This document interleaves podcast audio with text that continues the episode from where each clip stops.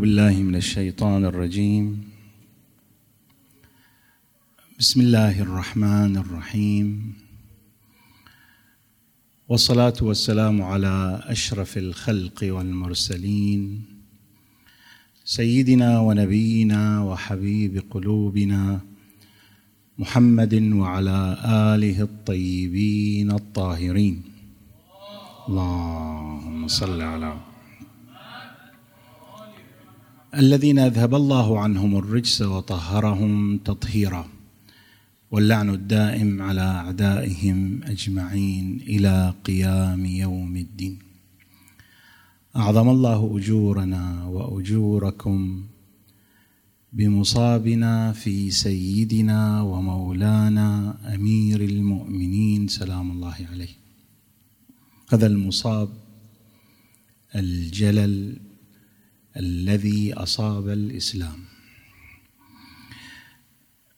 أتحدث في هذه الليلة عن الولاية وتجلياتها عند أصحاب أمير المؤمنين.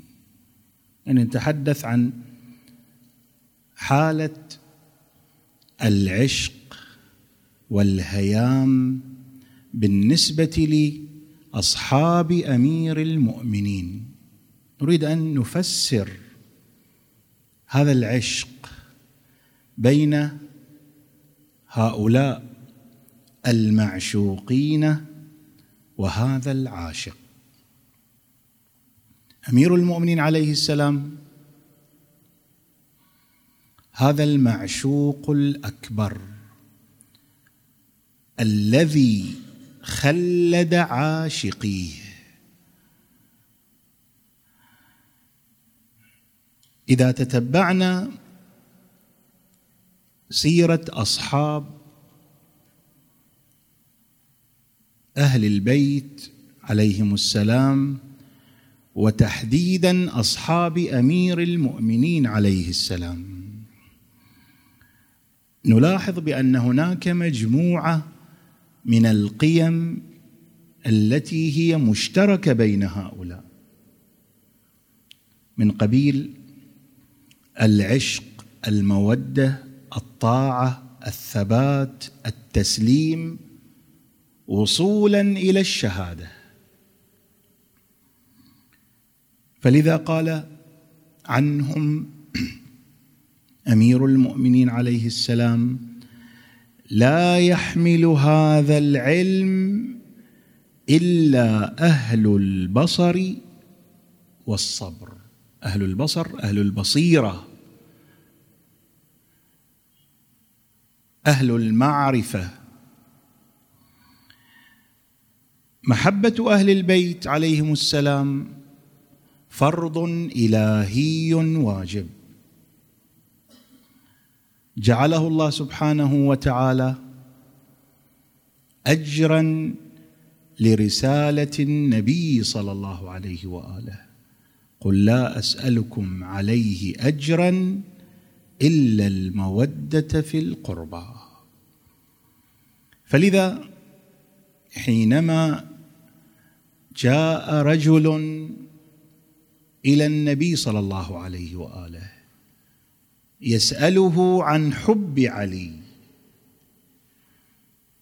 يقول له يا رسول الله هل ينفعني حب علي؟ فقال له صلى الله عليه وآله ويحك من أحبه أحبني ومن أحبني أحب الله. ومن أحب الله لم يعذبه. لا يمكن أن يصل الإنسان إلى حب الله عز وجل من غير بوابة حب علي عليه السلام. إذا أحب علي أحب رسول الله صلى الله عليه وآله. وإذا أحب رسول الله أحب الله. أما من يدعي حب رسول الله صلى الله عليه وآله أو حب الله عز وجل وهو لا يحب عليا فهذا حب كاذب حب مزيف. قال صلى الله عليه وآله حب علي إيمان وبغضه نفاق والله لا يحبه إلا مؤمن ولا يبغضه إلا منافق. هذه معادلة أمير المؤمنين عليه السلام هو ميزان لحب الله عز وجل. ميزان لحب النبي صلى الله عليه وآله. فلذا أتعرض في هذه العجالة إلى بعض المواقف التي صدرت من أصحاب أمير المؤمنين. حتى نرى هذا العشق هذه المحبة هذا الولاء في أمير المؤمنين عليه السلام. الموقف الأول الذي يجسد العشق العلوي موقف عدي بن حاتم الطائي. هذا عدي أحد أصحاب أمير المؤمنين الذي شارك معه في معركة صفين وأصيب في عينه ففقد بصره. دخل ذات يوم على معاوية. هذا عدي بن حاتم الطائي دخل على معاوية بن أبي سفيان. وعنده عبد الله بن الزبير. أرادوا الاستهزاء به. فقال له ابن الزبير عبد الله بن الزبير. يا أبا طريف. طبعا عنده ثلاثة أولاد. أيضا استشهدوا مع علي بن أبي طالب في معركة الجمل. أبناؤه طريف وطراف وطرفة. فقال له الزب ابن الزبير يا أبا طريف. متى ذهبت عينك؟ يريد الاستهزاء به لأنه فقد البصر في معركة صفين في معركة الجمل حينما أصيب. فقال له عدي بن حاتم الطائي هذا الجواب يوم فر أبوك منهزما فقتل. هؤلاء تلامذة أمير المؤمنين. يوم فر أبوك منهزما فقتل. لم يكتف بذلك. وضربت على قفاك وأنت هارب. وأنا مع الحق وأنت مع الباطل. هذا انتهى. بعد ذلك معاوية أراد أن يواصل هذا الموقف. فقال معاوية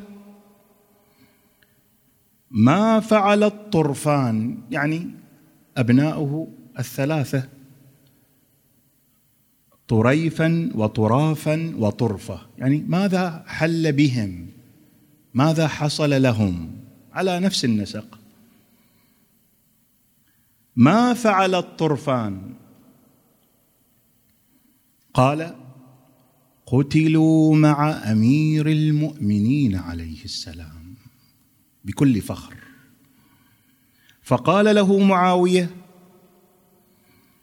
ما أنصفك علي إذ قدم أبناءك وأخر أبناءه. ماذا كان جواب عدي؟ قال بل أنا ما أنصفته. قتل وبقيت بعده. هذا الولاء هذا الحب لهذا الإنسان أمير المؤمنين لا يقسم الأموال وإنما يعطي زاد الإيمان لهذه القلوب فيحييها فتكون عاشقة لهذا المعشوق.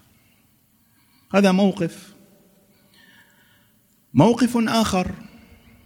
يجسد هذا الولاء هو موقف رشيد الهجري. حينما صبر على الولاية عن أبي حسان العجلي عن قنوة هذه قنوة تكون ابنة رشيد الهجري. قال قلت لها أخبريني بما سمعت من أبيك يعني رشيد. ماذا قال لك؟ قالت سمعت أبي يقول قال حدثني أمير المؤمنين عليه السلام. أمير المؤمنين كان يخبر بعض أصحابه بعلم المنايا يعني ما سوف يجري مستقبلا. وهذا كان منهم رشيد الهجري. حدثني قال حدثني أمير المؤمنين فقال يا رشيد كيف صبرك إذا أرسل إليك دعي بني أمية؟ يقصد عبيد الله بن زياد. فقطع يديك ورجليك ولسانك. استدعاه حتى يتبرأ من أمير المؤمنين وحينما رفض أن يتبرأ من أمير المؤمنين فعل به هذا. كيف صبرك إذا أرسل إليك دعي بني أمية؟ فقطع يديك ورجليك ولسانك. فقلت يا أمير المؤمنين لا يتحدث عن الألم والمعاناة وإنما يتحدث عن العاقبة. يا أمير المؤمنين آخر ذلك الجنة يعني الثبات حسن العاقبة. قال بلى يا رشيد أنت معي في الدنيا والآخرة. قالت فوالله ما ذهبت الأيام حتى أرسل إليه دعي بن, بن بني أمية عبيد الله بن زياد فدعاه إلى البراءة من أمير المؤمنين. كما أخبر علي. فأبى أن يتبرأ فقال له عبيد الله بن زياد فبأي ميتة قال لك تموت؟ ماذا أخبرك؟ كيف ستموت؟ قال أخبرني خليلي أنك تدعوني إلى البراءة منه فلا أتبرأ منه. فتقدمني فتقطع يدي ورجلي ولساني. هذا أراد أن يكذب أمير المؤمنين. قال أنا لن أفعل ما قاله. سوف أقطع يديك ورجليك وأترك لسانك حتى أكذب علي بن أبي طالب. ولكن هيهات. ف قال الدعي والله لأكذبن قوله فيك. قدموه فاقطعوا يديه ورجليه واتركوا لسانه. ولا أمير المؤمنين عليه السلام يعني الابتلاء الامتحان الاصطفاء وكل ذلك يحتاج إلى صبر. وهذا الصبر إنما يكون من خلال العشق والمحبة. قال قدموه فاقطعوا يديه ورجليه واتركوا لسانه. فحملت طوائفه يعني أعضاءه بعد أن قطعت. فقلت له يا أبا البنت كانت تسأل الأب عن هذا الألم الذي أحس به حينما قطعت يديه أو يداه ورجلاه. قالت يا أبا كيف تجد ألما لما أصابك؟ تاملوا في جوابه. فقال لا يا بني إلا كالزحام بين الناس. هذا الألم فقط بهذا المقدار. فلما حملناه وأخرجناه من القصر اجتمع عليه الناس وأمرهم بصحيفة ودوات. وقال لهم ائتوني بصحيفة ودوات. أكتب لكم ما يكون إلى أن تقوم الساعة. فأخذ يحدثهم. وكان هناك لعين ذهب إلى عبيد الله بن زياد وأخبره بما يحدث رشيد. وبعد ذلك أرسل إليه الحجام حتى قطع لسانه فمات. كما أخبر أمير المؤمنين عليه السلام. هذا موقف آخر من مواقف أصحاب أمير المؤمنين عليه السلام. موقف ثالث موقف حجر بن عدي والثبات على الولاية. طبعا هذه المواقف من الجيد أن نتأمل فيها ونضع أنفسنا في هذا الموقف. أيضا نحن ندعي بأننا نوالي علي نعشق علي نحب علي. لو كنت أنا في موقف رشيد أو حجر أو غيرهما ماذا؟ سيكون موقفي. الثبات على ولاية علي بن أبي طالب أم السقوط؟ يروى أنه لما أراد عامل معاوية أن يقتل حجرا وأصحابه طلب حجر أن يقتلوا ابنه قبل أن يقتلوه. يعني أب يطلب من السياف أن يقتل ابنه قبل أن يقتل هو. تعجب السياف. فقال له السياف أتعجلت الثكل حتى تفجع في ابنك؟ فأجابه بمنطق الموالي العاشق لأمير المؤمنين. خفت أن يرى ولدي هول السيف على عنقي فيرجع عن ولاية علي بن أبي طالب.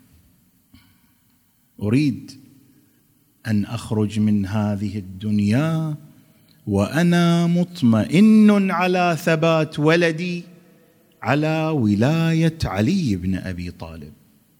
فلهذا طلبت أن تقتل ابني قبل أن تقتلني حتى أضمن ثبات ولدي على مبدأ الولاية. يعني هذا الإنسان هذا الأب هذا العاشق يريد أن يطمئن على الولاء لعلي بن أبي طالب ولو كان بقتل ابنه. فحري بنا أن نهتم بهذا المبدأ مبدأ الولاية في تربيتنا لأولادنا وبناتنا. هذا موقف ثالث. موقف رابع. وأخير. سلمان المحمدي.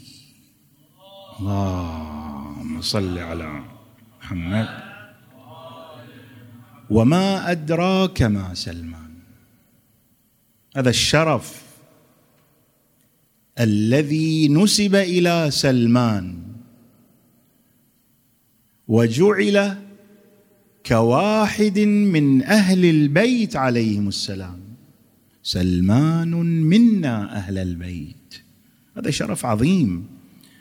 وسلمان في ولائه لأمير المؤمنين سطر أعظم مراتب الولاء والطاعة. عن منصور بن بزرج قال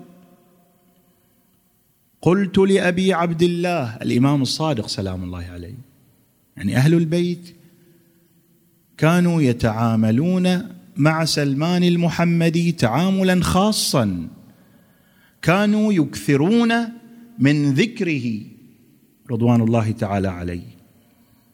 يقول قلت لأبي عبد الله عليه السلام ما أكثر ما أسمع سيدي ذكر سلمان الفارسي.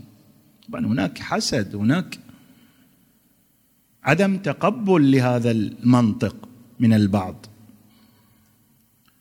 فقال عليه السلام لا تقل سلمان الفارسي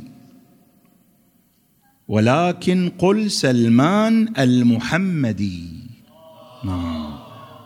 صل بعد ذلك قال الإمام الصادق سلام الله عليه أتدري ما كثرة ذكري له؟ يعني لماذا الإمام الصادق يكثر من ذكر سلمان المحمدي؟ أتدري ما كثرة ذكري له؟ قال لثلاث خلال ثلاث صفات. إحداها إيثاره هوى أمير المؤمنين على هوى نفسه. هذه أرقى مرتبة من الولاء أرقى من مرتبة الطاعة.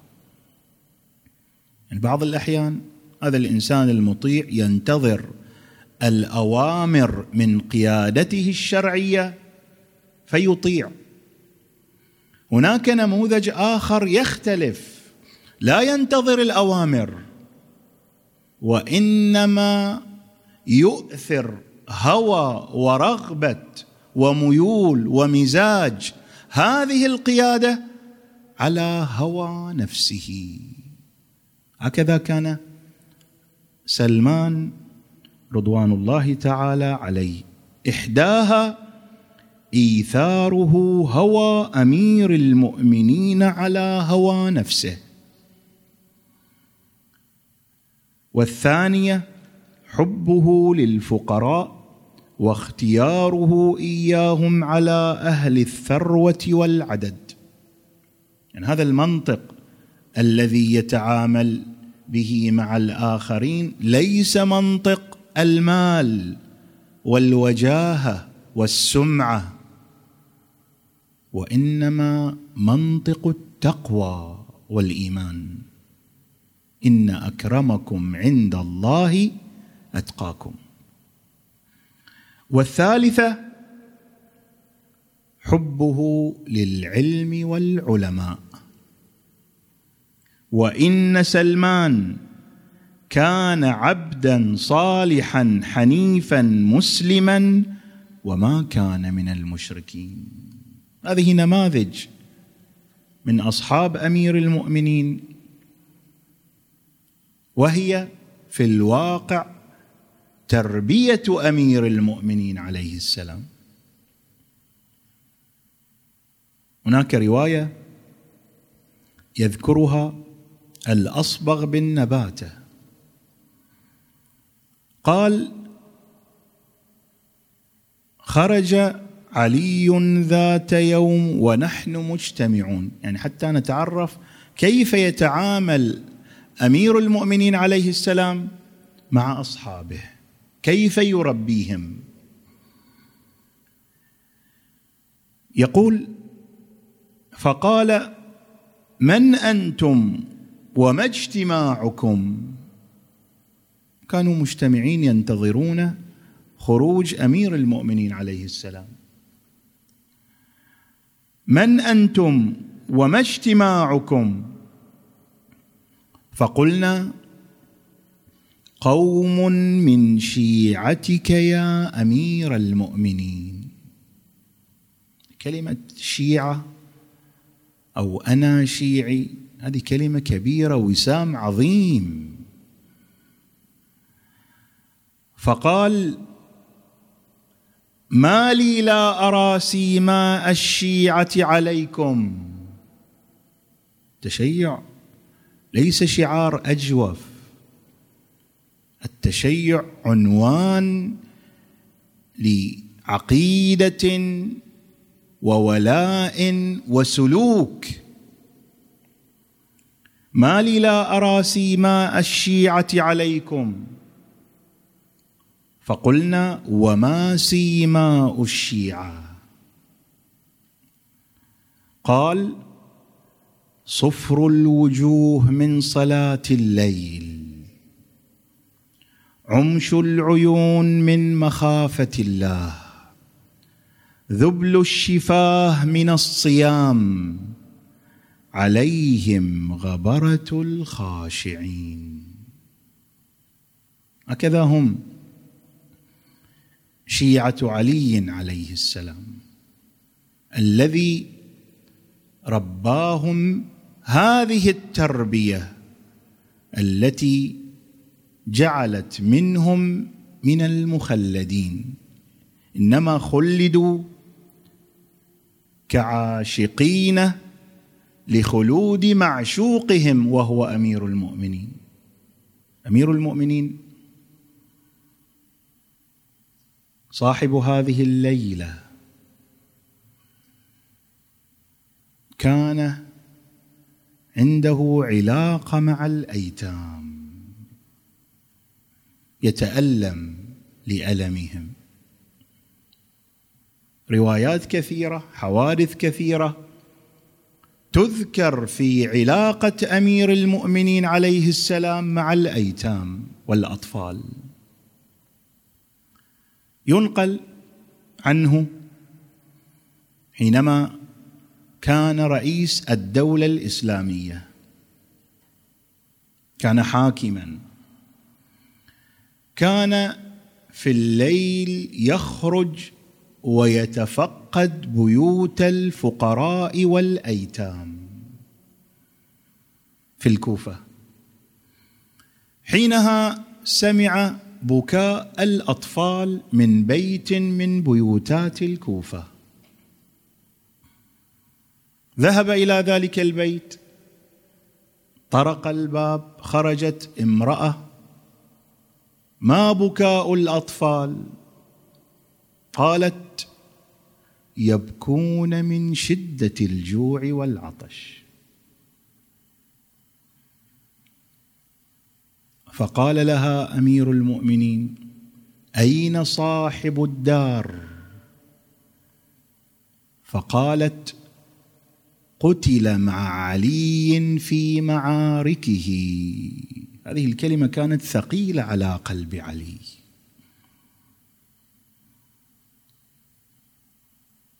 فرأى علي حينها قدرا يغلي فيه الماء.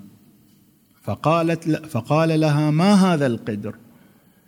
قالت أغلي الماء حتى أسليهم فينامون.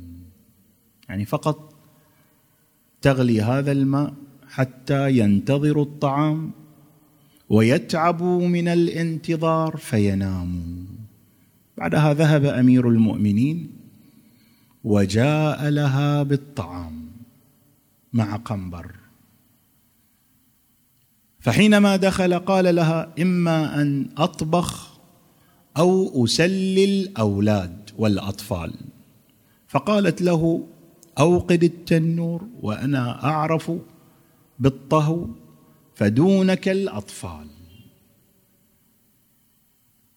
فأخذ علي عليه السلام يلاعب ويتصابى مع الأطفال الأيتام وينتظر الطعام وحينما جهز الطعام أخذ يطعم هؤلاء الأيتام بيده الشريفة.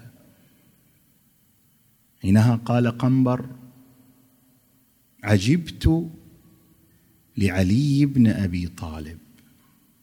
هذا هو قالع باب خيبر. هذا هو قاتل مرحب.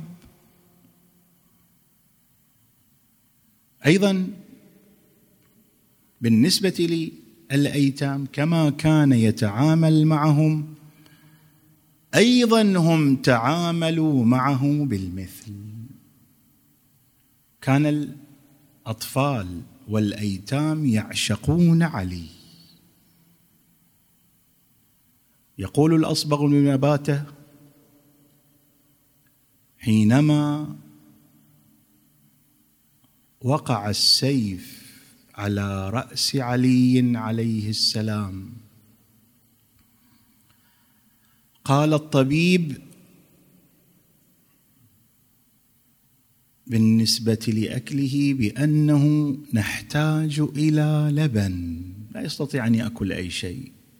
اسقوه من اللبن حتى يؤثر على السم.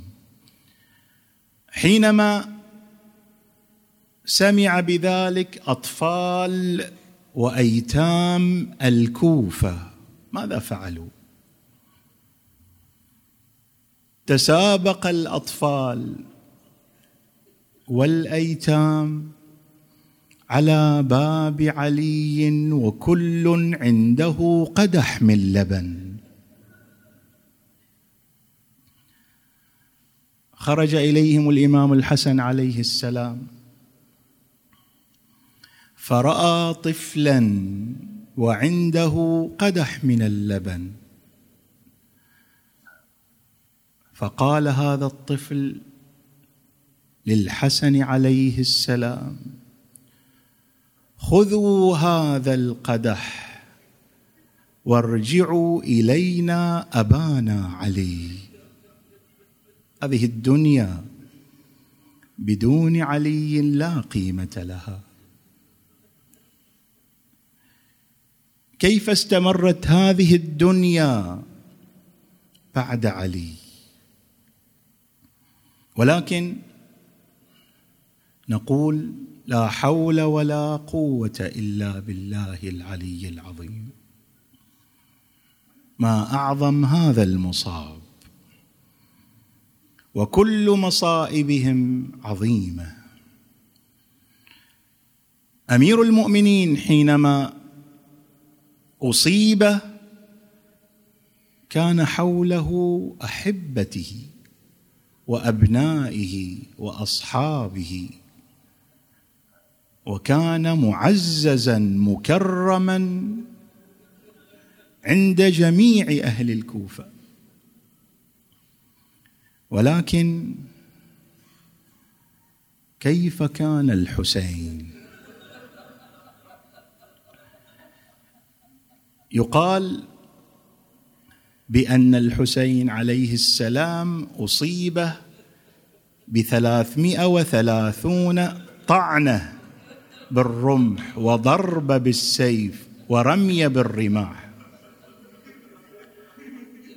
سئل الإمام الصادق عليه السلام كيف أن يكون في هذا الجسد هذا العدد من الطعنات؟ ماذا قال الإمام الصادق الطعنة على الطعنة.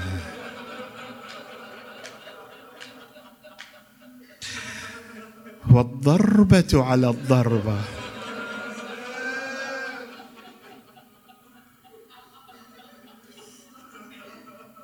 أنت يا علي يتشرف بخدمتك حتى الأيتام والأطفال ولكن من كان مع الحسين؟ أيضا زينب عليها السلام حينما كانت مع أبيها وهو على فراش الشهادة. كانت معززة مكرمة. معها الحسن معها الحسين معها الكافل العباس. ولكن حينما ذبح الحسين كما تذبح الشاة من كان مع زينب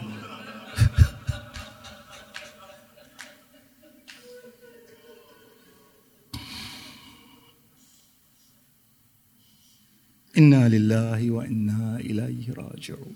اللهم صل على محمد وآل محمد. اللهم أحيني على ما أحييت عليه علي بن أبي طالب. وأمتني على ما مات عليه علي بن أبي طالب.